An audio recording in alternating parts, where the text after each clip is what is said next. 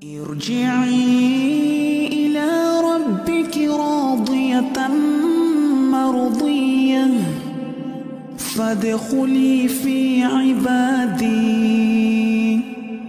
وادخلي جنتي. السلام عليكم ورحمة الله وبركاته. الحمد لله رب العالمين.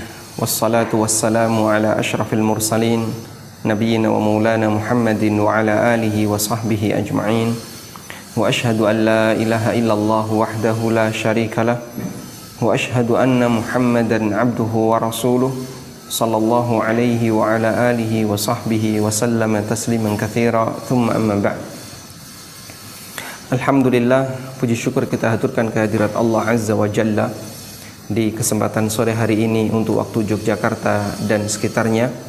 Kita bisa belajar bersama, mengkaji, melanjutkan uh, tema yang insya Allah akan kita bahas, yaitu tentang khidbah atau melamar wanita di masa iddah.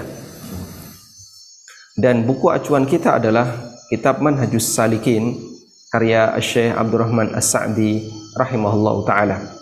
Baik, kita akan membaca keterangan dari Imam As-Sa'di rahimahullah. Qala al-musannif rahimahullah taala wala yajuzu at-tasrihu bi khidbatil mu'taddah mutlaqan. Tidak boleh terang-terangan menggunakan kalimat tasrih, menggunakan kalimat terang-terangan untuk menkhidbah seorang wanita yang sedang dalam masa iddah mutlakan secara mutlak. Tidak boleh secara mutlak terang-terangan menggunakan kalimat yang terang-terangan ketika menkhidbah wanita yang sedang menjalani masa iddah. Wa yajuzu ta'rid dan boleh menggunakan kalimat ta'rid tidak jelas.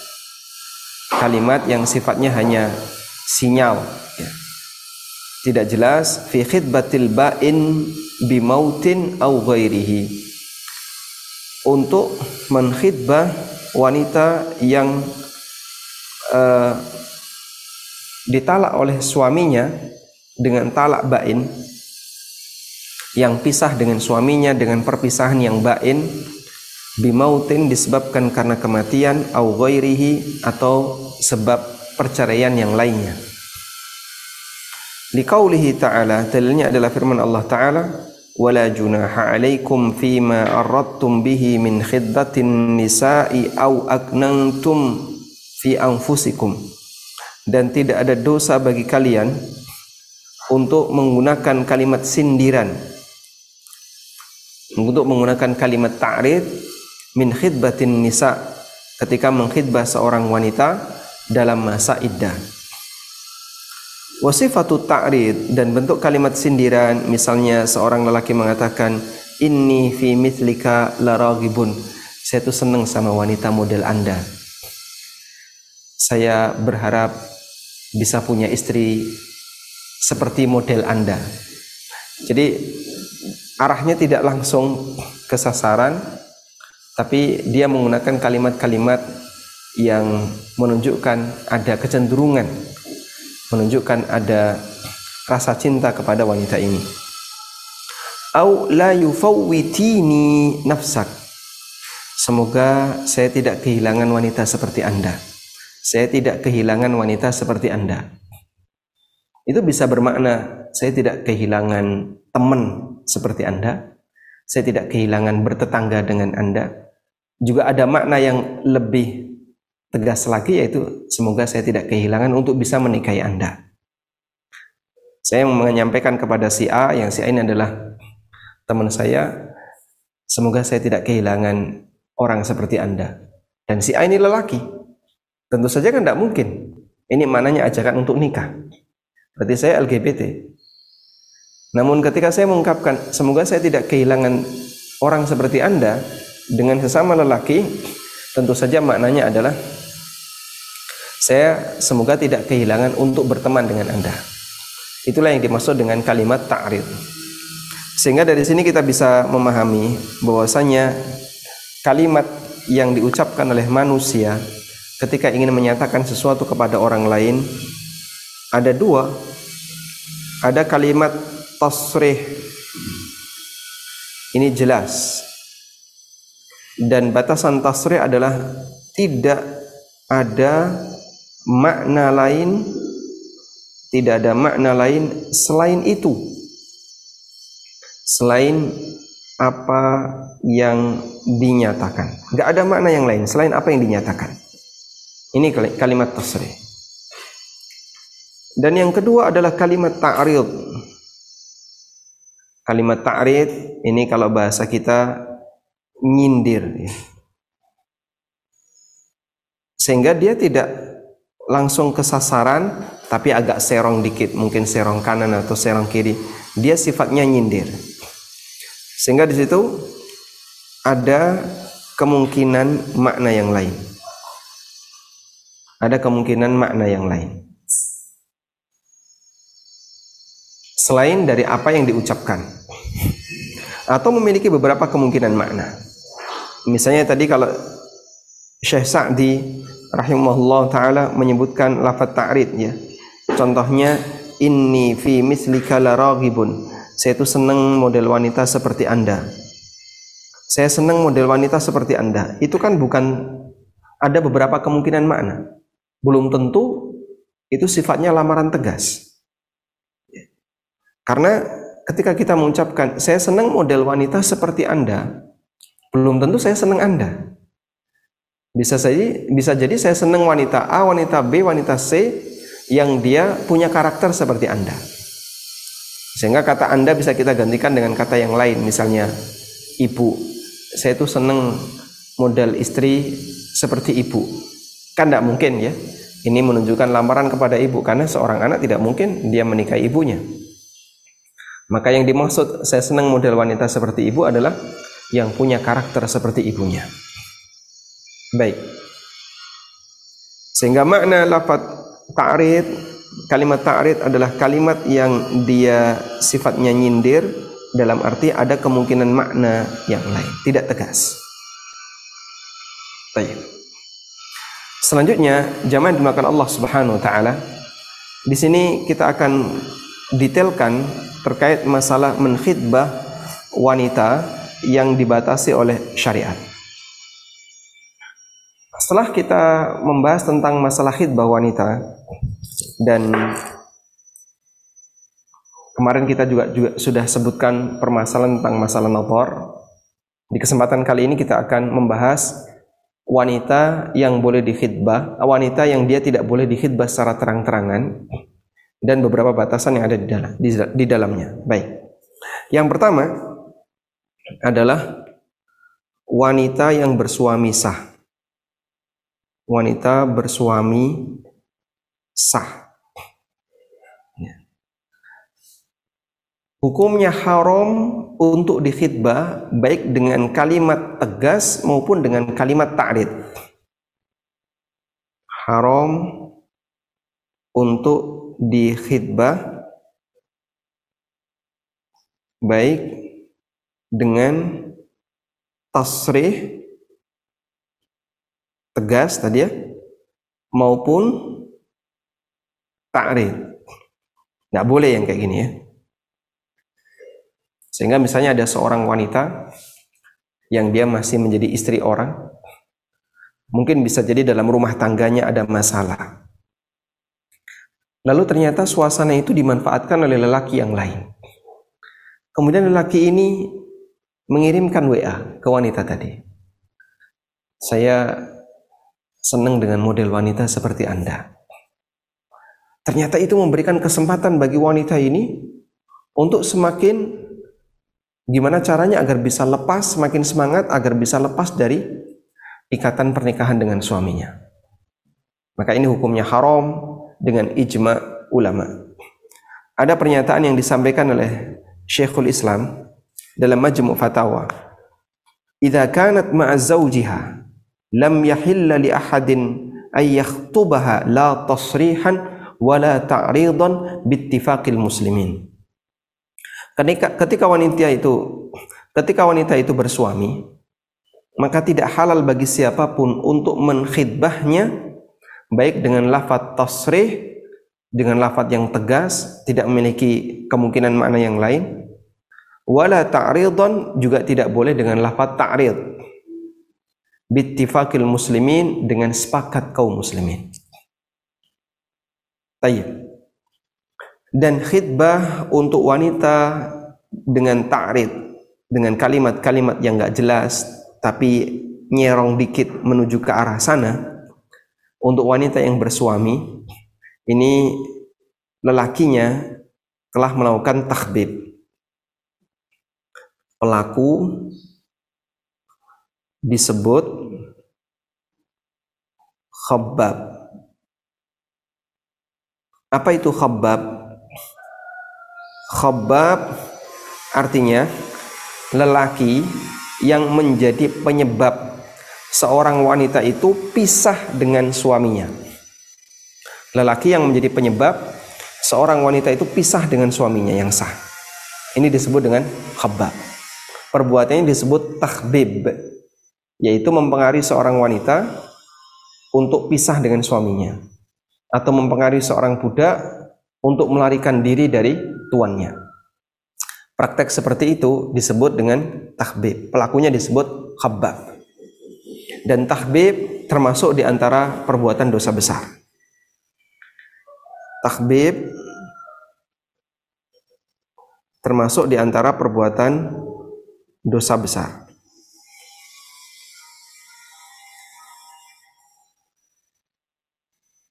Nabi sallallahu alaihi wasallam memberikan ancaman bagi orang yang melakukan tahbib karena ini termasuk di antara bentuk dosa besar.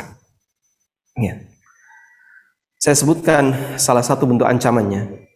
Ancaman tahbib. Man.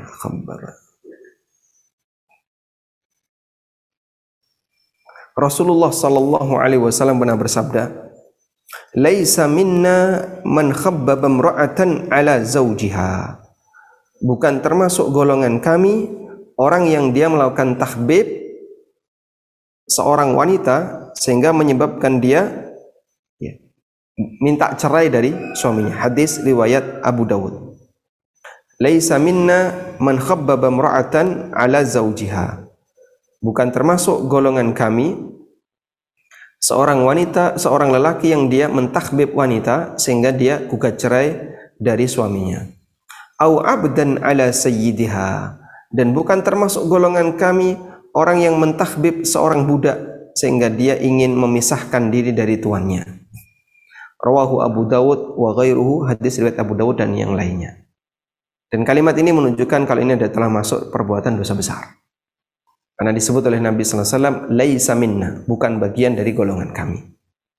Karena itu nggak tanggung-tanggung ya untuk orang yang menjadi penyebab wanita melakukan khuluk ya, gugat cerai dari suaminya disebabkan karena pengaruh lelaki yang lain disebut oleh Nabi SAW sebagai tindakan takbib dan pelakunya disebut oleh Nabi SAW laisa minna, bukan bagian dari golongan kami. Yang itu menunjukkan perbuatan dosa besar. Nah, yang kedua, yang pertama adalah wanita bersuami sah. Yang kedua, wanita yang dicerai suaminya yang sudah dicerai suaminya dengan talak raj'i. Dengan talak raj'i. Apa itu talak raj'i? Kasih catatan di sini. Talak raj'i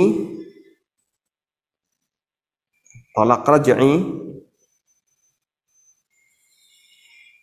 adalah perceraian yang bisa perceraian yang bisa rujuk tanpa akad.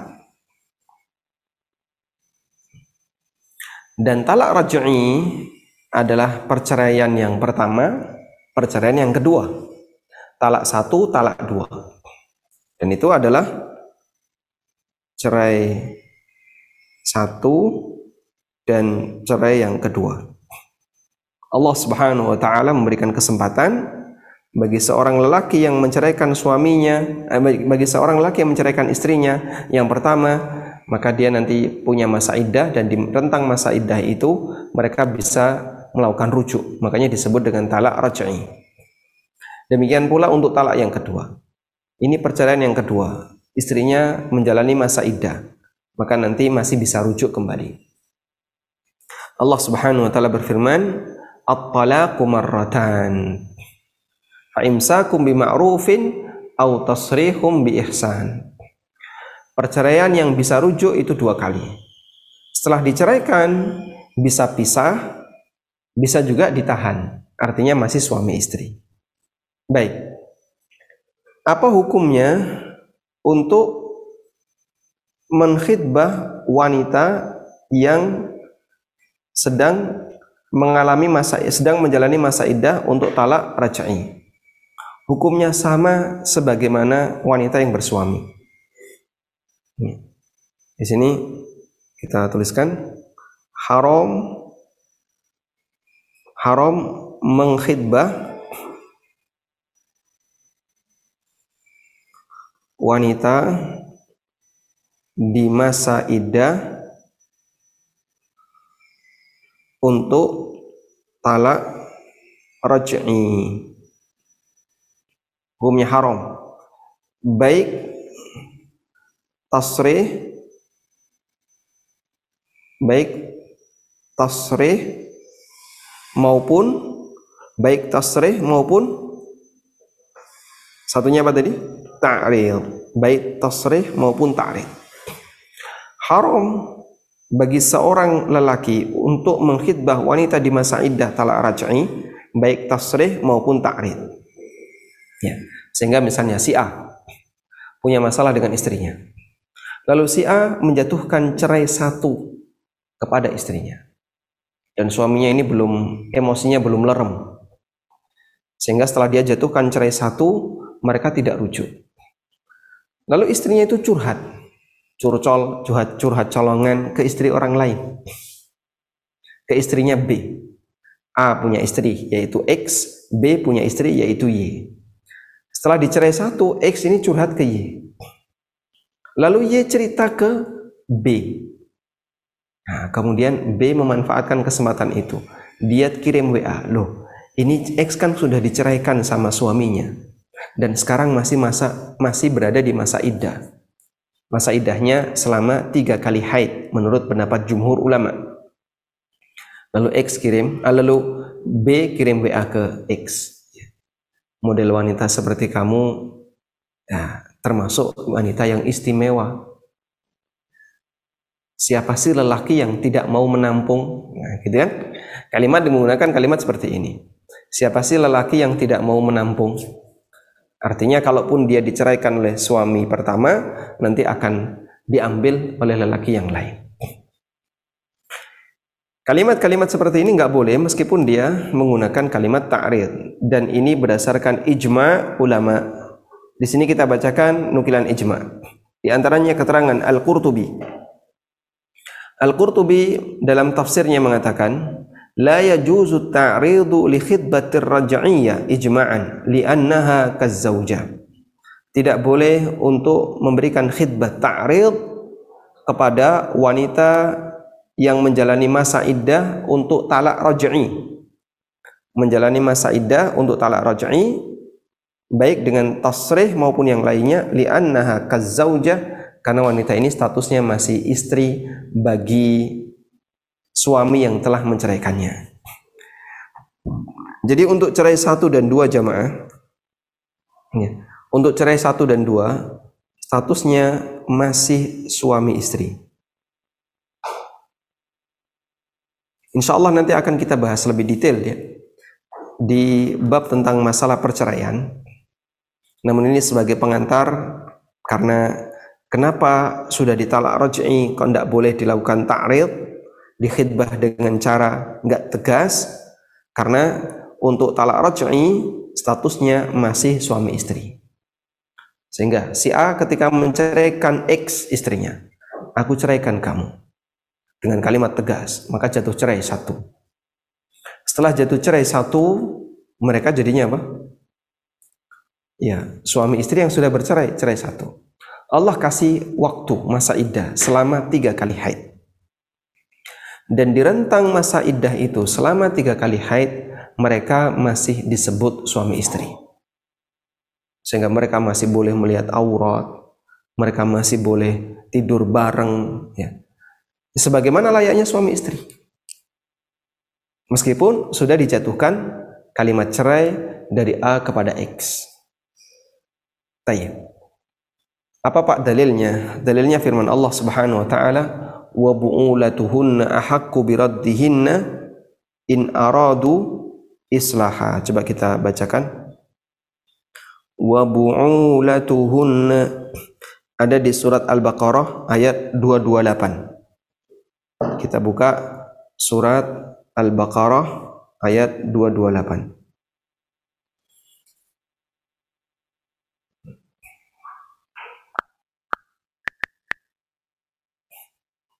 Allah Subhanahu wa taala berfirman wa bu'ulatuhunna ahaqqu biraddihinna fi dzalika in aradu islaha. Bu'ulatuhunna para suami mereka ahaqqu biraddihinna lebih berhak untuk rujuk kepada istrinya. Fi dzalika dalam perceraian itu in aradu islaha jika mereka punya niat yang baik jika para suami ini punya niat yang yang baik.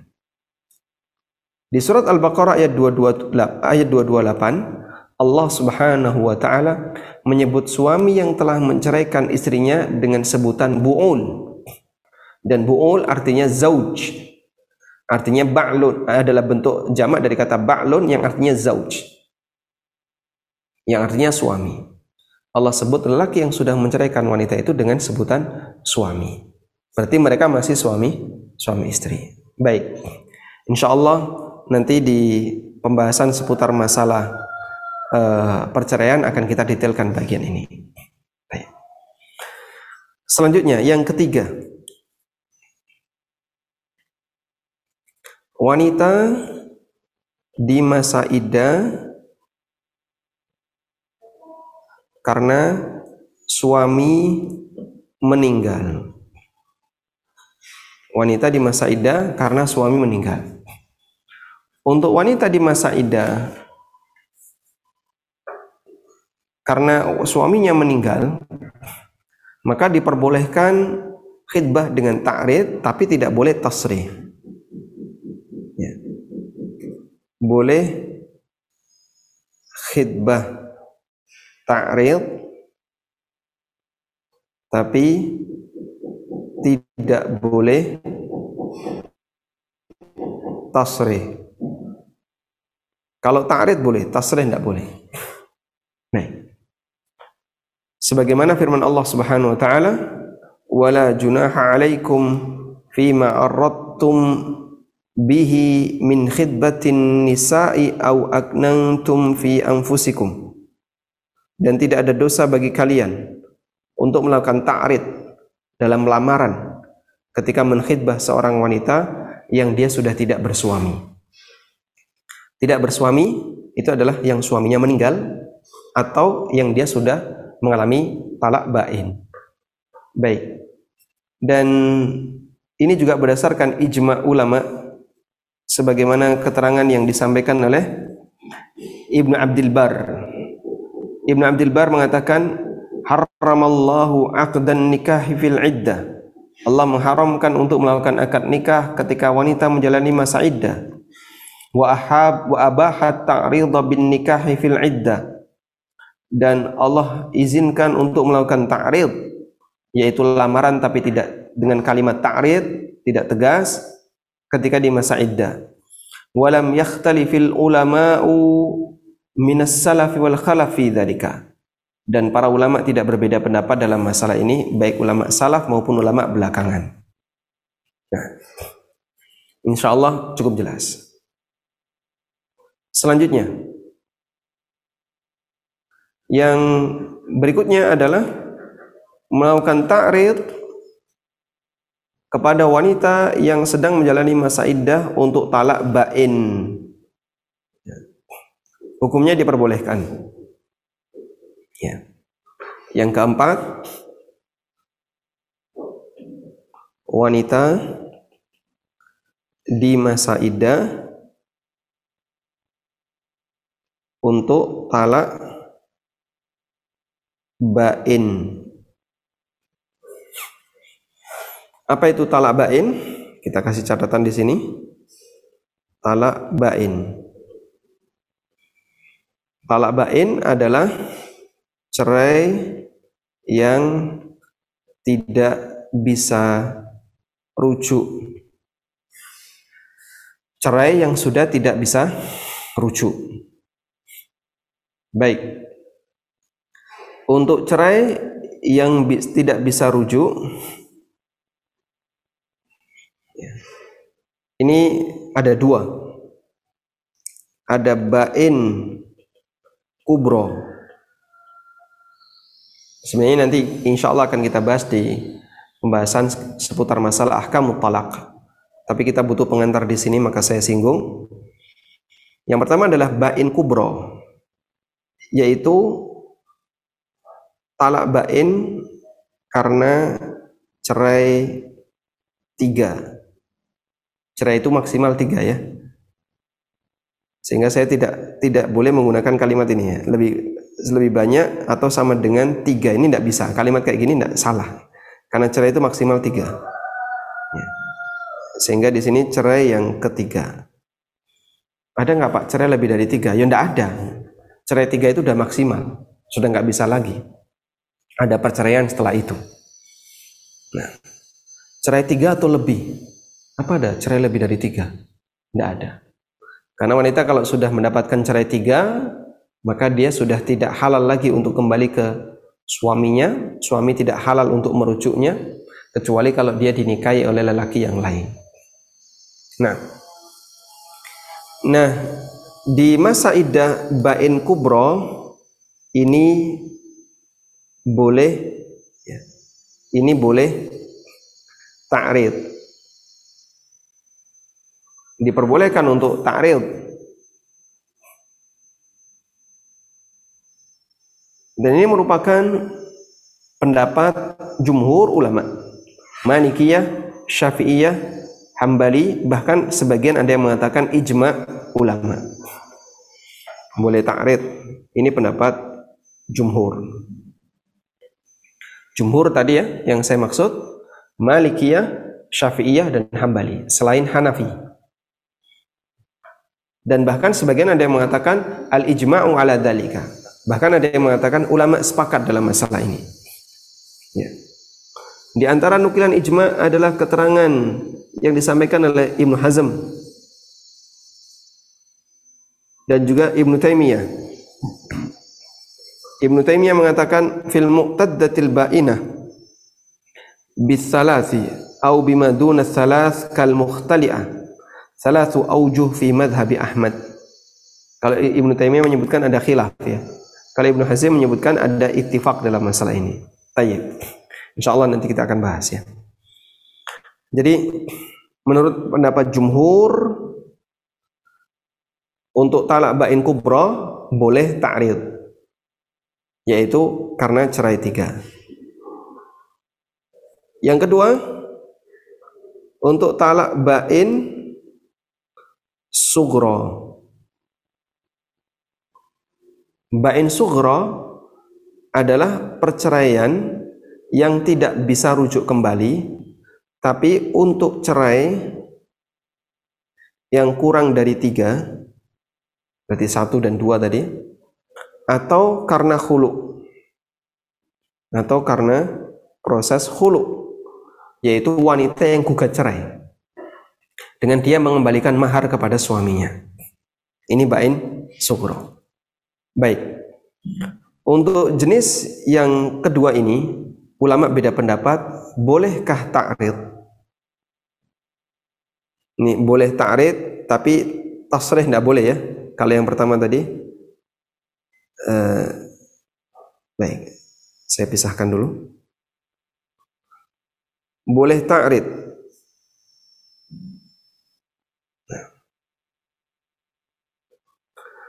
Tasrih tidak boleh. Tunggu sampai masa idah selesai. Tapi kalau ta'rid boleh. Untuk bain sugro. Bolehkah ta'rid? Jadi bain sugro itu seperti ini. Si A menceraikan X untuk talak satu. Sampai berakhir masa idah, X tidak merujuk A. Sampai berakhir masa idah, suaminya itu tidak merujuk istrinya. Sehingga selesai masa iddah mereka pisah, bukan lagi suami istri. Meskipun baru cerai satu. Meskipun baru talak satu. Terus mereka berarti bukan suami istri.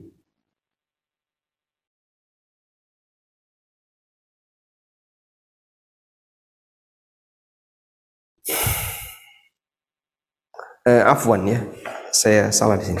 Jadi bain sugro di sini berlaku untuk khulu. Di masa idah masa idah bain sugro untuk khulu khusus untuk khulu. A dengan X tadi ya.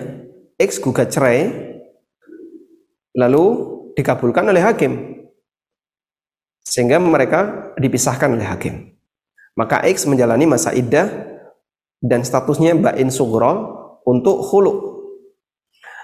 Dia mengalami perpisahan sugro untuk disebabkan karena hulu. Sudah? Bolehkah ya. bolehkah ta'rid bolehkah dilakukan ta'rid yaitu menkhidbah tapi dengan ta'rid Syekhul Islam menyebutkan ada tiga pendapat ulama terkait wanita yang mengalami khulu. Salah satu aujuhin fi madhabi Ahmad wa qawlani syafi'i. Ada tiga pendapat dalam madhab Imam Ahmad dan ada dua pendapat dalam madhab Imam Syafi'i. Yang pertama, ya juzu ta'rid bi khidbatiha. Boleh melakukan ta'rid. Dan ini adalah pendapat Imam Malik dan salah satu pendapat Imam Syafi'i. Pendapat yang kedua la yajuz, tidak boleh ta'rid. Wathalithu dan yang ketiga yajuzu fil mu'tadda bis thalath li'annaha muharramatun ala zawjiha. Wa kadzalika kullu muharramatin wa la yajuzu lil fil mu'taddati fima duna dzalika liimkani audiha ilaihi. Wa huwa ahadu qawli Syafi'i. Boleh untuk cerai tiga tapi yang masa iddah bain sugro tidak boleh karena masih memungkinkan untuk balik lagi ke suaminya. Ya. Sehingga di sini ada tiga pendapat. Dan wallahu alam pendapat mana yang lebih kuat dalam masalah ini? Yang lebih kuat adalah hukumnya boleh. Boleh ini yang lebih kuat. Dengan pertimbangan dia nggak bisa rujuk. Dia nggak bisa rujuk ke suaminya. Maka lelaki yang lain boleh melakukan khidbah dengan cara ta'rif. Dan ini merupakan pendapat Imam Malik dan pendapat Imam Ahmad dalam salah satu riwayat dan pendapat Imam Syafi'i dalam salah satu riwayat. Imam Syafi'i punya dua pendapat, yang satu melarang, yang satu membolehkan. Walhamdulillah. Ini empat jenis wanita terkait bolehkah dikhidbah oleh lelaki yang lain dengan cara ta'rid maupun dengan cara tasri. Taib. Sehingga dari penjelasan ini kita bisa menyebutkan bahwa selama masa iddah wanita itu tidak boleh dikhidbah dengan cara tasrih. Selama masa iddah wanita tidak boleh dikhidbah dengan cara tasrih. Dan ada yang boleh dengan cara ta'rid ada yang tidak boleh. Tergantung dia masuk dalam jenis masa iddah yang mana. Insyaallah dipahami ya. Kemudian berikutnya adalah jawaban jawaban khidbah dengan ta'rid. Wanita ini sedang menjalani masa iddah. Lalu ada lelaki yang mencoba melamar dengan lafaz ta'rid. Bolehkah wanita itu memberikan jawaban khidbah dengan ta'rid? Sehingga jawaban di sini adalah dari pihak wanita. Akan kita bahas di sini ya. Bolehkah memberikan jawaban untuk uh, khidbah dengan cara ta'rid?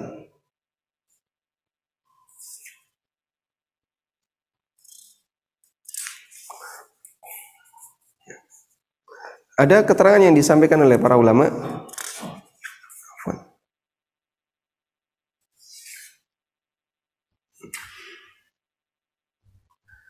diperbolehkan bagi wanita untuk memberikan jawaban ketika dia ditakrid oleh seorang lelaki dengan jawaban yang semisal. Sebentar, saya tadi menemukan keterangan itu.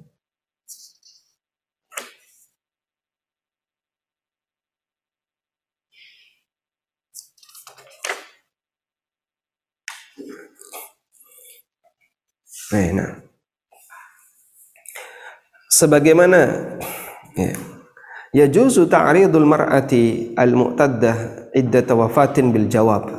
Nassa alaihi al-jumhur al-malikiyah wal syafi'iyah wal hanabilah wa dhalika kiyasan ala jawazi ta'ridil rajul.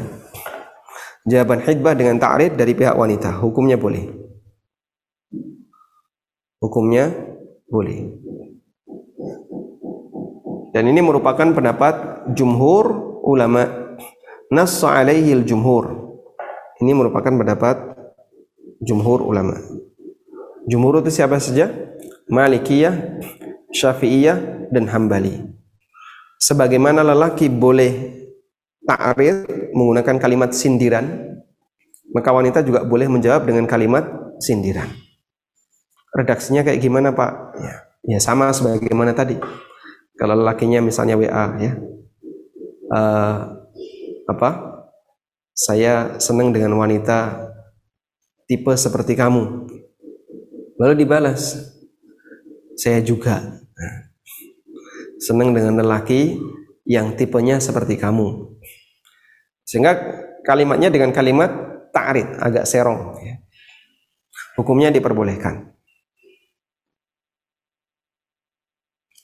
Di sini saya kutipkan keterangan dalam madhab syafi'iyah atau sebagaimana disebutkan oleh An-Nawawi dalam kitabnya Raudatul Talibin kemudian juga di Hasyiah Qalyubi dan Umairah kemudian ada keterangan dari Hanabilah juga membolehkan hal itu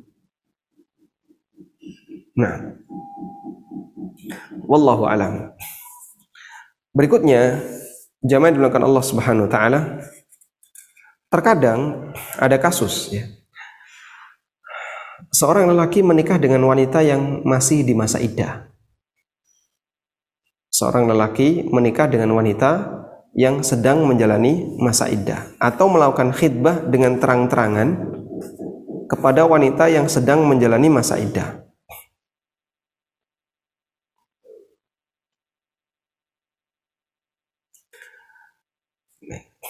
Saya coba ulangi masalahnya ya. Hukmu nikahi man inqadat iddatuha idza sarraha aw arrada bi khidbatiha asna al iddati.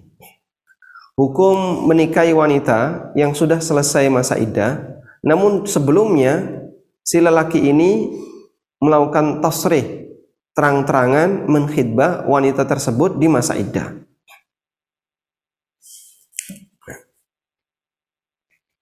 Di sini ada keterangan.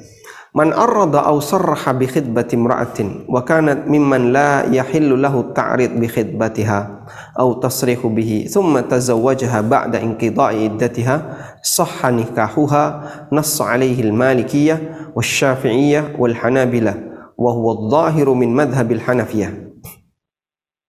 Siapa yang terang-terangan menkhidbah wanita di masa iddah Padahal itu hukumnya tidak boleh. Summa tazawwajaha. Kemudian selesai masa iddah, mereka menikah ba'da inqidai iddatiha setelah masa iddahnya selesai. Maka nikahnya sah sebagaimana keterangan Malikiyah, Syafi'iyah dan Hambali dan ini merupakan dohir dari pendapat Hanafiyah. Nah, kita tuliskan di sini. Terjadi pelanggaran.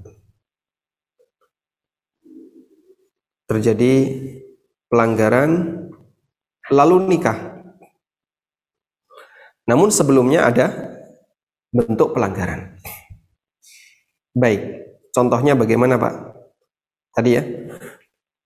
Contoh pelanggaran satu. Melakukan khidbah tasrih.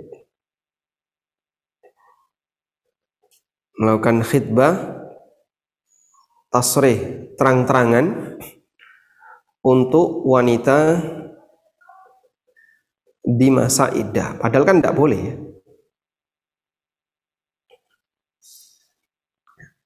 Yang kedua, melakukan khidbah ta'rid melakukan khidbah ta'rid untuk wanita di masa iddah talak raj'i. Yang tadi sudah kita sampaikan ya. Di talak raj'i di sini. Cerai satu atau dua. Kemudian dikhidbah dengan cara ta'rid. Padahal di sini kan tidak boleh. Baik tasrih maupun ta'rid tidak boleh di talak raj'i tapi dia melakukan khidbah dengan cara ta'rid sudah? Lalu berhasil. Ini berhasil. Sehingga dia membuat wanita itu jatuh jatuh hati. Hingga usai masa iddah hingga usai masa iddah mereka nikah. Nah. Pendapat yang kuat nikah sah. Meskipun meskipun didahului dengan maksiat. Mereka telah bermaksiat. Si lelaki ini bermaksiat dengan melakukan pelanggaran poin 1 dan poin 2 yaitu melakukan khidbah tasrih untuk wanita di masa iddah, melakukan khidbah ta'rid untuk wanita di masa iddah raj'i. Ini pelanggaran. Sampai akhirnya berhasil. Hingga mereka selesai masa iddah, si wanita ini selesai masa iddah, mereka nikah maka nikah sah meskipun didahului dengan maksiat. Wallahu a'lam. Naam, walhamdulillahi rabbil alamin. Ini penjelasan tambahan yang bisa kita tambahkan terkait masalah uh, menkhidbah wanita di masa iddah. Baik, mungkin demikian yang bisa kita sampaikan sebagai pengantar. Semoga bermanfaat. Wassallallahu ala nabiyyina Muhammadin wa ala alihi wa sahbihi wasallam. Alhamdulillahirrahmanirrahim. Barakallahu fiqat atas materialnya dan Alhamdulillah beberapa pertanyaan yang sudah masuk di kolom chat. Ada juga beberapa peserta yang sudah raise hand. Tidak harus yang jumlah Ustaz ya, atau tidak harus yang bercerai. Gimana Pak? Baik, tidak harus yang jumlah dulu ya, seperti yang Oh enggak harus, kalau yang seperti ini bebas. Baik Ustaz, mohon izin saya bacakan ada pertanyaan dulu di kolom chat. Uh, Bismillahirrahmanirrahim. Assalamualaikum Pak Ustadz. Mohon izin bertanya. Kalau suami sudah berniat untuk pisah atau cerai dengan istrinya, kemudian karena dengan sesuatu hal peristiwa itu tidak terjadi, perceraian itu tidak terjadi, secara agama kalau sudah berniat cerai, apakah itu sudah terjadi perceraian? Kalau kejadian seperti itu, apakah harus akad nikah kembali, Ustaz? Barakallahu fiqh. Wafikum barakallah. Sebatas niat itu belum terhitung sebagai amal. Dan itu berlaku dalam semua aktivitas manusia, baik aktivitas ibadah maupun aktivitas muamalah. Sebatas niat belum terhitung sebagai amal dan itu berlaku bagi semua aktivitas manusia baik ibadah maupun muamalah. Ya. Meskipun masalah konsekuensi dosa dan pahala bisa jadi terjadi. Sangat mungkin terjadi. Ada orang yang punya niat untuk berbuat taat, namun dia gagal melakukannya. Maka dia tidak disebut telah melakukan perbuatan ketaatan itu. Meskipun kaitannya dengan masalah konsekuensi pahala, dia bisa mendapatkan pahala sesuai dengan penilaian yang diberikan oleh Allah Subhanahu wa taala. Sebagaimana disebutkan dalam hadis yang sahih, "Wa man hamma bil hasanati falam ya'malha falahu ajrun wahid." Barang siapa yang punya niat untuk melakukan kebaikan dan dia tidak berhasil melakukannya, maka dia punya satu pahala. Demikian pula dalam hadis dari Abu Kabsyah Al-Anmari radhiyallahu anhu Nabi sallallahu alaihi wasallam pernah memberikan permisalan ya. Innamad dunya li arba'ati nafarin. Dunia itu isinya hanya ada empat tipe manusia tipe yang pertama orang yang punya harta. Dan dia gunakan hartanya itu untuk ketaatan kepada Allah. Maka orang ini amalnya sempurna. Dia mendapatkan pahala dan ini kedudukannya paling tinggi. Tipe yang kedua orang yang dia tidak punya harta, tapi punya ilmu agama, punya niat yang baik. Kemudian dia bercita-cita, andaikan saya punya harta sebagaimana yang dimiliki oleh si A, maka saya akan beramal sebagaimana amalnya A. Kata Nabi SAW, huma fil ajri sawa. Orang ini mendapatkan pahala yang sama, yaitu pahala niat beramal. Sehingga Anda bisa bedakan antara status amal dengan status berpahala. Kalau status amal ketika orang punya niat saja tapi dia tidak beramal maka belum dianggap beramal. Tapi kalau berpahala ataukah tidak bisa jadi dia mendapatkan pahala sesuai dengan penilaian niat yang diberikan oleh Allah taala kepadanya. Baik. Karena itulah Sebagaimana ketika kita punya keinginan untuk beli tapi kita nggak jadi beli, maka belum disebut melakukan transaksi jual beli. Kita punya keinginan untuk jual tapi nggak jadi jual, kita belum disebut melakukan transaksi jual, menjual barang. Maka demikian pula ketika ada seorang suami punya niat untuk menceraikan istrinya, tapi nggak jadi menceraikan istrinya, maka tidak disebut telah jatuh cerai. Sehingga masih sah sebagai suami istri dan tidak ada uh, kewajiban bagi sang istri untuk menjalani masa iddah. Mereka masih keluarga yang baik sebagaimana kondisi sebelumnya. Wallahu alam Baik, jazakallah khairan atas jawabannya Ustaz. Masya Allah, pertanyaannya banyak sekali ini. Uh, mohon maaf sebelumnya kalau nanti tidak semua pertanyaan bisa kami bacakan karena keterbatasan waktu menjelang maghrib di Jogja. Uh, Kemudian ada pertanyaan dulu sebelum juga ke jamaah yang resen. Pertanyaan singkatnya adalah, Assalamualaikum warahmatullahi wabarakatuh. Ustadz izin bertanya, kalau sebaliknya tadi saya sampaikan tentang seorang eh, laki-laki yang menjadi penyebab perceraian sebuah rumah tangga. Kalau sebaliknya Ustadz, seorang wanita yang menjadi penyebab seorang suami menceraikan istrinya, mungkin bahasa sekarang pelakor Ustaz. Apakah wanita tersebut juga termasuk dosa besar Ustaz? Barakallahu fikum. Wafikum barakallah. Wallahu alam saya tidak tahu tentang hal ini ya. dan saya butuh untuk belajar lagi. Tapi intinya semua perbuatan yang memberikan madarat kepada orang lain dalam Islam dilarang. Nabi Shallallahu Alaihi Wasallam bersabda, la darara wa. Tidak boleh ada darar dan tidak boleh ada dirar. Tidak boleh membahayakan diri sendiri maupun orang lain. Nah, untuk praktek pelakor seperti ini sampai menyebabkan keluarga yang pertama jadi gagal.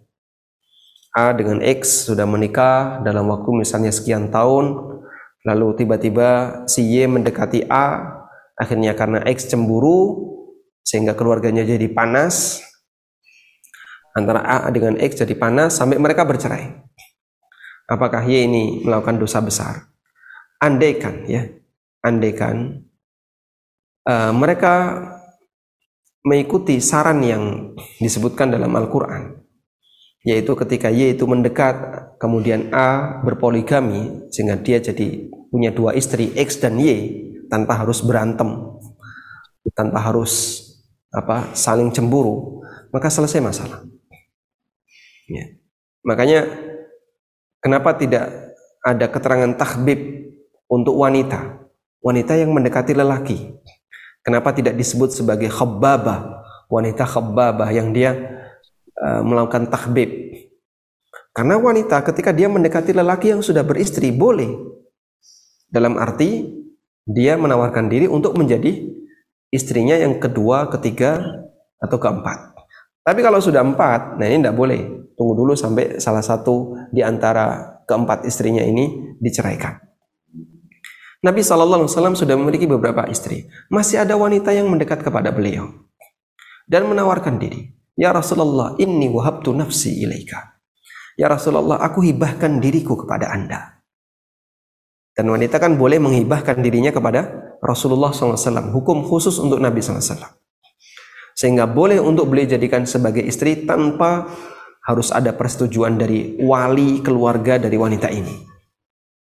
Tapi kalau selain Nabi SAW tidak boleh.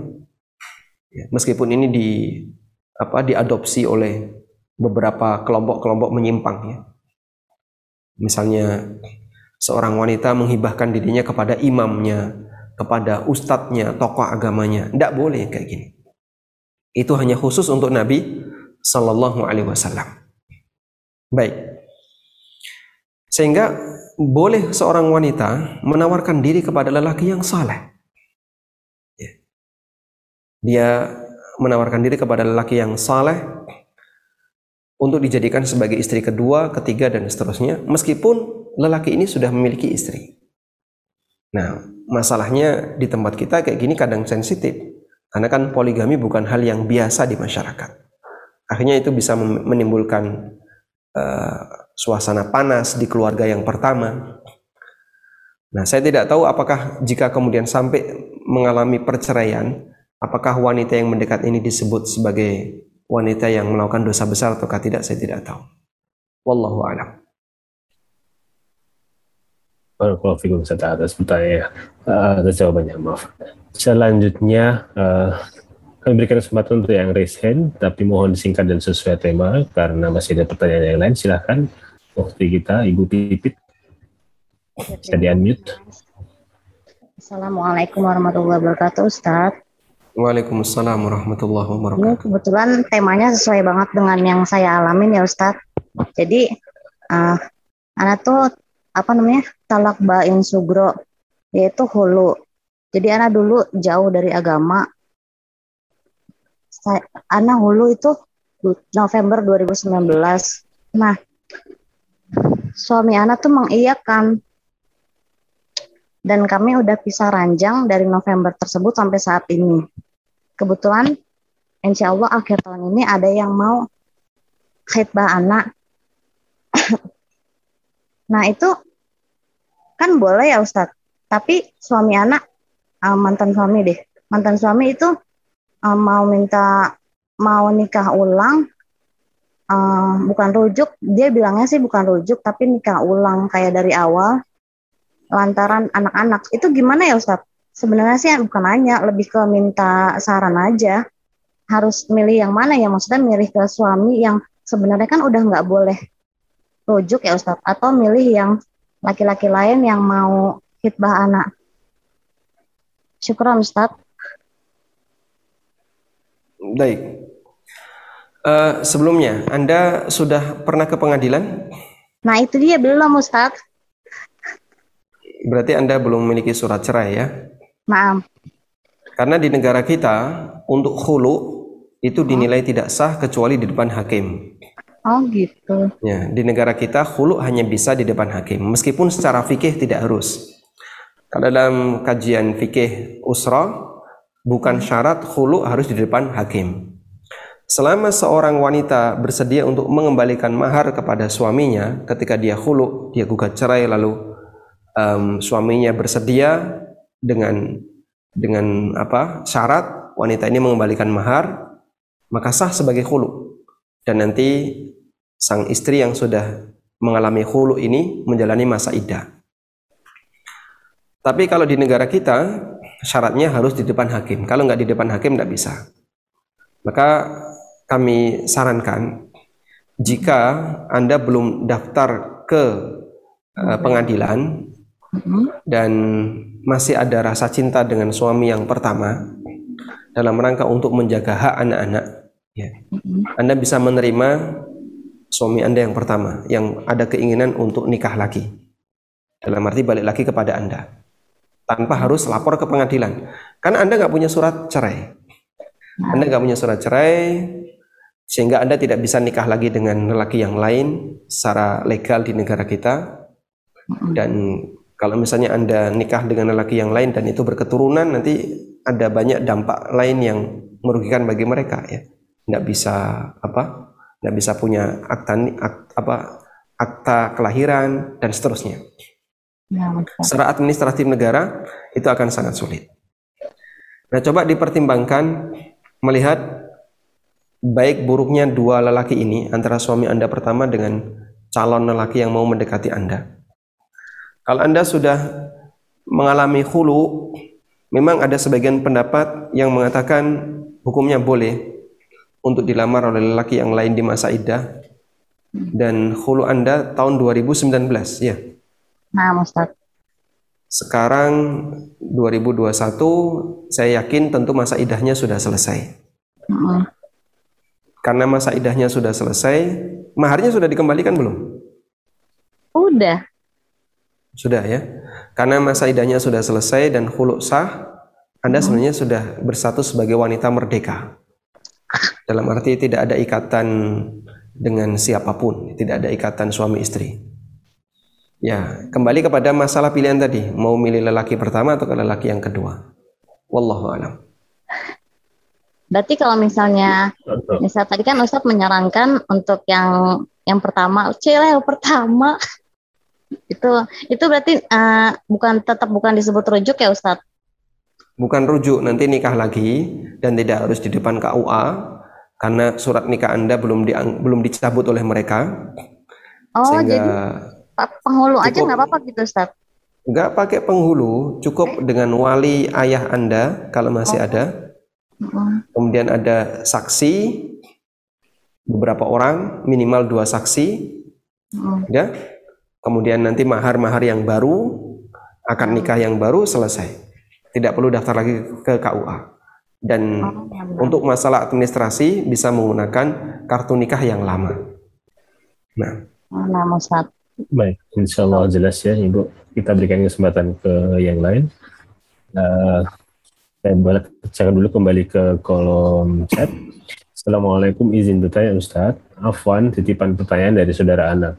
Bagaimana hukumnya jika suami tiap ribut selalu mengusir istrinya dan istrinya Selalu? disuruh pulang? Selalu mengusir istrinya. mengusir. Iya, dan diminta pulang, disuruh pulang ke orang tuanya. Dan pernah juga berucap menceraikan istrinya, tetapi suami nggak serius cerai. Katanya hanya ucapan lisan saja dan hatinya tidak. Apakah itu sudah jatuh talak? Dan sampai saat ini hubungan suami istri saudara anak tersebut masih baik-baik saja. Apakah jatuhnya haram, Ustaz? Jazakallahu khairan. Baik. Baik, perlu disampaikan kepada siapa pun lelaki yang mendengarkan kalimat saya ini ya. Bahwa ucapan cerai itu sah sebagai cerai meskipun hatinya tidak ada niat untuk cerai. Karena kalimat perceraian tidak disyaratkan harus selaras dengan hati. Kalimat, kalimat itu berarti yang terucap, tidak harus selaras dengan batin.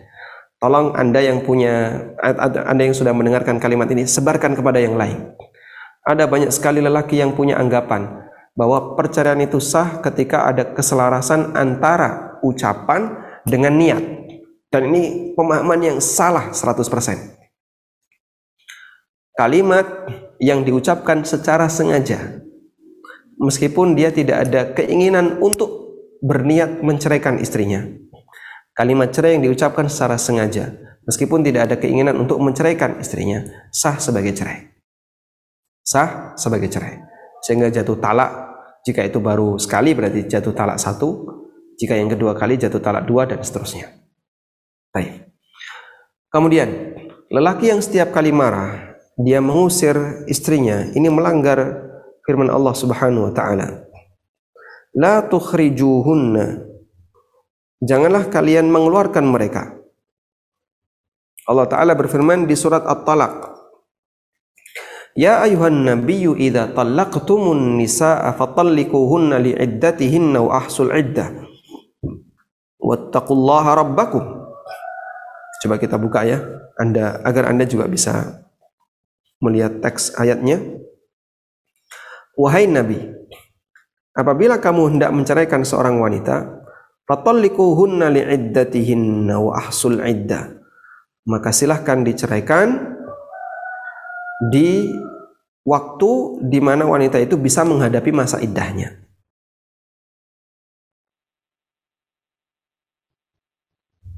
Wattaqullaha rabbakum dan bertakwalah kepada Allah yang merupakan Rabb kalian. La tukhrijuhunna min buyutihinna. Janganlah kalian mengeluarkan mereka para istri yang dicerai itu min buyutihinna dari rumah mereka. Padahal ini sudah diceraikan. Tapi Allah melarang, jangan meminta mereka untuk keluar rumah, jangan mengusir mereka. Padahal sudah diceraikan. Kenapa? Karena mereka masih harus menjalani masa iddah. Sehingga si A menceraikan X untuk cerai satu. Kamu saya talak. Karena kamu sudah saya talak, kamu harus keluar dari rumah ini segera. Kalimat ini salah. Kamu saya talak itu haknya A. Tapi menyuruh X untuk keluar rumah ini dilarang oleh Allah Subhanahu wa taala. Wala yakhrujna dan wanita ini juga tidak boleh terus minggat. Setelah dijatuhkan talak satu, dia minggat itu tidak boleh. Baik, tolong diperhatikan larangan ini berlaku jika sudah dijatuhkan kalimat talak. Apalagi kalau belum dijatuhkan kalimat talak. Sehingga setiap kali ribut, sana kamu pulang. Sana kamu kamu keluar dari rumah ini. Setiap kali ribut ngomong seperti itu. Yang sudah diceraikan tidak boleh apalagi yang belum diceraikan. Maka jangan diminta mereka untuk keluar rumah. Ya meskipun diperbolehkan untuk kondisi tertentu, ayo saya antar pulang ke rumah orang tuamu. Misalnya suami karena tidak ingin uh, apa berjumpa dengan istrinya dalam beberapa waktu, itu diperbolehkan ya. Sebagaimana dulu uh, ada salah satu di antara sahabat yang dia diboykot oleh Nabi SAW, yaitu Kaab bin Malik Lalu Ka'ab bin Malik meminta kepada istrinya untuk pulang. Silakan kamu pulang, tapi bukan saya ceraikan. Nah, wallahu alam. Jazakumullah khairan Ustaz atas jawabannya insya Allah jelas dan sangat bermanfaat bagi kita semua, khususnya laki-laki seperti yang tadi saya sampaikan. Kembali ke uh, yang sudah resen, silahkan. Mohon di unmute Ibu Nuria Nuaritatna, mohon singkat dan sesuai tema untuk memberikan kesempatan yang lain. Jazakallah. Silahkan di unmute Ibu Nuria. Oke. Belum ada, kita lanjut ke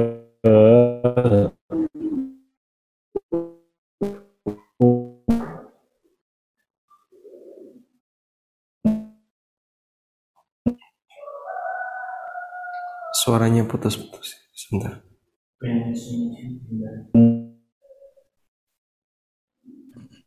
Suaranya putus-putus. Uh, Baik, Bu diulang silakan. Mungkin buat yang ini dulu ya, SN ya.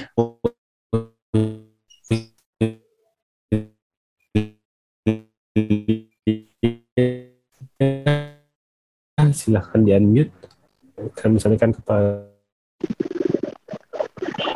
Baik. Bismillahirrahmanirrahim. Assalamualaikum warahmatullahi wabarakatuh. Waalaikumsalam uh, Ustadz tadi katakan bahwa kalau dalam masa iddah untuk talak rajai talak satu atau dua itu kalau ada yang uh, menghitbah secara tasrih ataupun tidak itu nggak boleh termasuk dalam hal bermaksiat itu Ustaz ya. Tapi Hmm. kalau misalnya nih pernikahannya itu pernikahan siri, terus yang menkhitbah ini nggak tahu gitu bahwa perempuan itu dalam keadaan masa masa iddah, itu gimana? Dan si perempuan ini juga nggak menjelaskan gitu kepada eh, pria tersebut bahwa dia masih dalam masa iddah. Karena dia nikah siri cuma orang tuanya aja yang tahu. Baik. Baik. Em, silakan di mute dulu. Baik, syukuran jazakallah khair. Jadi semua hukum yang berlaku dalam syariat kita muta'alliqun bil ilmi. Itu eh, apa? bergantung kepada keberadaan ilmu. Dan itu berlaku juga dalam hukum yang lain. Karena itu, ketika ada orang melakukan pelanggaran, sementara dia tidak tahu, maka dia tidak dihukumi sebagai orang yang bersalah, karena dia nggak tahu. Jangankan yang seperti ini, orang berbuat maksiat yang lebih besar, sementara dia lakukan itu dalam kondisi dia nggak tahu. Misalnya apa pak? Melakukan praktek riba, atau melakukan jual beli yang haram, muamalah-muamalah yang haram yang lainnya yang nilainya dosa besar.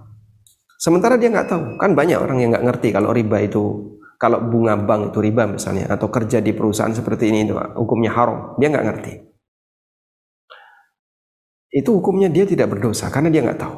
Karena hukum dia bergantung kepada keberadaan ilmu. Sehingga kalau orang tidak memiliki ilmu, maka tidak berlaku hukum baginya. Wallahu alam. Dan kewajiban bagi wanita, ya dia tidak boleh menjawab dia tidak boleh menjawab lamaran takrid tadi sehingga dia harus memberitahu mohon maaf saya masih di masa iddah ya. Sehingga tolong jangan WA lagi saya jangan hubungi lagi saya karena seperti ini tidak diperbolehkan oleh syariat.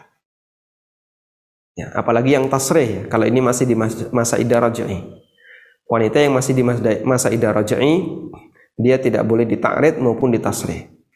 Kalau masa iddahnya bukan masa iddah raj'i di mana sudah cerai tiga atau hasil dari hulu maka masih boleh ta'rid menurut pendapat sebagian ulama di masa idah yang bain tadi. Wallahu alam. Alhamdulillah, jazakallah atas uh, pertanyaan jawabannya. Kemudian uh, masih ke yang resen, silahkan Ummu Hilyah dan sudah Ya, disediakan Assalamualaikum warahmatullahi wabarakatuh. Waalaikumsalam warahmatullahi wabarakatuh Izin bertanya Ustadz, kalau rujuk itu apakah wajib pakai saksi Ustadz? Syukran jazakallahu khairan. wa jazakumullah khairan. Yang saya pahami tidak harus ada saksi. Rujuk boleh tanpa saksi. Bahkan ya menurut pendapat yang lebih kuat menurut pribadi saya karena ada khilaf dalam masalah ini hubungan badan itu bisa jadi rujuk. A menceraikan X cerai satu. Mereka tegang selama lima hari 10 hari sekian hari sampai si X ini mengalami haid dua kali berarti kurang satu haid kurang satu haid Nah, kemudian misalnya haid rutinnya selama dalam rentang waktu bulanan ya. Di hari yang ke misalnya ke 35 kebanyakan ya di hari oh ya 35 berarti bulan yang kedua. Sang suami punya rasa cinta lagi kepada istrinya yang sudah diceraikan. Padahal mereka tegang dalam waktu sekian hari. Satu bulan itu tegang. Lebih dari satu bulan masih tegang bahkan dua bu- bulan masuk bulan yang kedua masih tegang sampai masuk hari yang ke-20 bulan yang kedua terus suami punya rasa keinginan untuk melakukan hubungan badan dengan istri yang sudah dia ceraikan kemudian mereka melakukan hubungan badan kan tidak mungkin pakai saksi yang kayak gini tidak mungkin seperti ini pakai saksi sebagian ulama mengatakan jika sudah terjadi hubungan badan mereka otomatis rujuk. Otomatis rujuk. Sehingga dalam hal ini ketika A sudah menceraikan X dengan cerai satu, kemudian mereka melakukan hubungan badan setelah haid yang kedua misalnya, maka mereka balik suami istri lagi. Wallahu a'lam. Sehingga tidak perlu harus ada saksi. Nah. Insya Allah yang materi seperti ini akan kita bahas lebih detail di kajian tentang ahkamut talak, di kajian tentang hukum masalah perceraian. Nah, Baik, Ustaz. Dan alhamdulillah eh, pertanyaannya memang banyak sekali tentang nah perceraian Pak ada cukup. suaranya. Eh, cek cek apakah bisa didengar dengan jelas Ustaz? Coba kami sampaikan kepada eh, yang sudah resen dulu lagi. Silahkan Ibu Santi Silakan. Anjarwati. Oh, suara saya tidak bisa didengar. Didengar bisa didengar. Nggak bisa ya. Silakan. apa nih Ustadz yang mau Ana tanyakan itu Ustadz yang katanya kalau sudah cerai sudah talak tiga kali itu kan tidak boleh dulu keluar dari Ini rumah harus harus satu rumah dulu dengan suami halo Ustadz Apakah Ustaz bisa mendengar pertanyaan dari Ibu kita? Nggak ada Soal- suara apa pun. Silahkan. Eh, bis- Halo, bisa tolong Ustadz. diulangi? Ya? Assalamualaikum Assalamualaikum Ustadz Eh, apa yang Ana mau ingin tanyakan itu yang Ada tentang indikatornya. kalau Indikatornya. sudah cerai cukup Se- Sebentar Ibu, sepertinya Ustaz belum bisa mendengar suara kita bersama. halo Baik, silakan. Dan nyambung. Ini Ustadz yang Anda mau tanyakan yang tentang kalau misalkan seorang suami sudah mentalak istrinya eh, sebanyak tiga kan itu nggak boleh dulu keluar rumah kan Ustadz tetap tinggal di rumah itu sampai selesai masa idah terus Talak itu tiga ya. Saya ulang. iya talak tiga Orang talak suami menceraikan istrinya talak tiga. eh, sebanyak tiga kali nah sebanyak tiga kali talak apakah eh, seorang istri kan nggak boleh dulu keluar rumah tuh sampai selesai masa idahnya apa itu boleh rujuk kembali Ustadz atau gimana Baik. Baik. Syukron Ustadz jazakallahu khairan Wajazakumullah khairan. Baik. Sebelumnya kami ingatkan untuk pembahasan masalah talak nanti ada sendiri kajian tentang itu. Sehingga mohon bersabar bagi yang mau bertanya tentang tema perceraian, tolong ditahan dulu, di hold dulu, nanti silahkan disampaikan setelah kita membahas di materi tentang perceraian. Kemudian jawaban singkat untuk pertanyaan ini, yang masih diwajibkan untuk tinggal bersama suami adalah cerai satu dan cerai dua. Adapun untuk cerai tiga, mereka sudah talak bain dan bukan lagi suami istri. Karena itu wanita yang mendapatkan eh, talak yang ketiga, dia harus meninggalkan tempat agar tidak menjadi satu dengan suaminya. Misalnya dia pulang ke rumahnya atau dia cari kos-kosan yang dekat dengan rumah itu. Mis kalau dia nggak punya rumah orang tuanya nggak ada dan dia nggak punya rumah yang lain selain bareng dengan suaminya, maka dia bisa tinggal di sebuah kos-kosan atau yang lainnya sampai selesai masa iddah. Wallahu a'lam. Jazakallahu khair Ustaz. Eh, kembali dulu ke pertanyaan yang tidak berkaitan dengan perceraian karena hampir semua pertanyaan berkaitan dengan talak dan perceraian. Ada satu pertanyaan ini yang berkaitan dengan tema kita khidbah. Ya. Bismillah, Assalamualaikum Ustaz izin bertanya, bagaimana seorang wanita yang sudah berpisah dengan suaminya tanpa ada talak sebelumnya, kemudian si istri ada yang mengkhidbahnya si suami pergi merantau di negeri orang dan si suami tidak memberi nafkah kepada istri dan eh, si suami sudah bertahun-tahun merantau tanpa memberikan nafkah. Apakah istri bisa menerima khidbah dari seseorang tersebut atau tidak Ustaz? Jazakumullahu khair.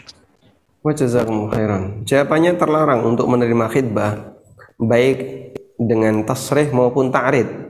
Kenapa? Karena wanita ini masih berstatus sebagai istri dari suaminya. Tapi kan sudah pisah dalam waktu yang lama, bertahun-tahun, nggak pernah ada hubungan, nggak pernah ada komunikasi, tidak dikasih nafkah, dan seterusnya. Tidak ada komunikasi, tidak dikasih nafkah, tidak pernah ada apa pun interaksi antara lelaki dengan wanita ini tidak menyebabkan akad nikahnya jadi batal atau tidak menyebabkan akad nikahnya jadi pisah, tidak. Mereka tetap masih suami istri sehingga mereka masih berstatus sebagai keluarga. Karena itu tidak diperbolehkan adanya khidbah dari lelaki yang lain baik dengan terang-terangan, dengan tegas maupun dengan isyarat. Baik. Karena itulah eh, kalau Anda ingin agar bisa nikah dengan lelaki yang lain, maka tahapan yang harus Anda lakukan adalah melakukan khulu kepada suami melalui jalur pengadilan agama. Anda daftar ke pengadilan agama, sampaikan kondisi rumah tangga Anda yang sebenarnya, ya. Kemudian nanti pihak hakim akan mempertimbangkan apakah hulu ini layak untuk diterima atau tidak. Dan akan ikuti saja proses yang yang diputuskan oleh pengadilan. Kemudian setelah Anda dinyatakan sah berpisah, diterbitkan surat perceraian, maka Anda statusnya sebagai wanita yang pisah dengan suami atas dasar hulu dan itu statusnya fasah bukan talak. Statusnya adalah fasah bukan talak, dibatalkan oleh hakim. Sudah? Selanjutnya silahkan menjalani masa iddah sekali haid, sekali haid untuk membuktikan bahwasanya rahim Anda kosong, kemudian baru Anda berhak untuk menerima lamaran dari lelaki yang lain. Wallahu a'lam. Satu Um, pertanyaan lagi, Pak, yang terakhir ya. Nah, Ustaz. Silahkan kami berikan kesempatan kepada Ustaz Fulana yang sudah raise hand. Silahkan di unmute. Assalamualaikum warahmatullahi taala wabarakatuh. Ustadz, Assalamualaikum warahmatullahi wabarakatuh. um, Ana cerai di Singapura, terus um, Ana sampai sekarang tidak punya um, surat cerai itu bagaimana ya Ustadz? Saya coba tanya untuk sama guru ngaji saya di sini. Guru ngaji saya bilang udah buat aja surat cerai palsu gitu. Ini soalnya terkait dengan Ana hanya uh, perwalian anak Ana yang Ana pikirkan gitu Ustadz. Bukannya mau nikah lagi atau gimana gitu Ustadz. Anda di mana sekarang posisinya? Uh, Ana di Jakarta Ustadz. Baik, suami di Singapura. Suami orang Singapura. Orang Singapura eh, nikah resminya di Singapura eh, di sini iya nikah resmi di Singapura Ustaz. Baik. Baik, cukup Ibu. Eh, saran untuk membuat surat cerai palsu, ya, saya tidak merekomendasikan ya, karena ini ya termasuk di antara bentuk penipuan, sehingga yang bisa anda lakukan dalam hal ini adalah coba anda ikuti proses yang berlaku, SOP yang berlaku untuk mendapatkan surat cerai sesuai dengan SOP yang ada. Kalau itu Anda nikah resminya di Singapura dan yang menerbitkan surat itu adalah pengadilan Singapura, ya berarti Anda harus menyediakan waktu dan dana untuk bisa ngurusi apa perceraian itu ke Singapura. Atau mungkin bisa dititipkan ke orang lain agar tidak bolak-balik Jakarta Singapura. Ya, Intinya gimana caranya agar Anda bisa mendapatkan surat cerai resmi dari pengadilan Singapura. Itu nanti akan dijadikan sebagai lampiran untuk apa ke KUA di Indonesia. Atau coba Anda konsultasikan ke KUA di tempat Anda dengan kondisi seperti itu, apakah bisa KUA menerbitkan surat cerai dengan menghubungi suaminya melalui suami Anda melalui telepon atau apa pun misalnya? Anda bisa tanyakan agar prosedur itu diikuti sesuai dengan aturan yang berlaku sehingga tidak ada penipuan apa pun di sana. Bersabar meskipun harus mengeluarkan biaya dan mengeluarkan waktu. Insya Allah hal yang terbaik seperti ini ketika kita pilih sesuai dengan jalurnya, Allah akan kasih jalan keluar yang lebih baik insya Allah Ta'ala. Wallahu alam, demikian yang bisa kita bahas. Semoga menjadi kajian yang bermanfaat. Dan bagi Bapak Ibu yang barangkali punya masalah seputar masalah perceraian, sekali lagi kami sampaikan untuk pertanyaan tentang itu, insya Allah eh, atau masalah tentang itu, insya Allah akan kita kupas dan kita bahas di kajian di Ahkamut Talak tentang hukum masalah perceraian. Demikian wassallallahu ala nabiyyina Muhammadin wa ala alihi wa sahbihi wasallam وآخر دعوانا أن الحمد لله رب العالمين. سبحانك اللهم وبحمدك أشهد أن لا إله إلا أنت أستغفرك وأتوب إليك. والسلام عليكم ورحمة الله وبركاته. ارجعي إلى ربك راضية مرضية. فادخلي في عبادي. وادخلي جنتي.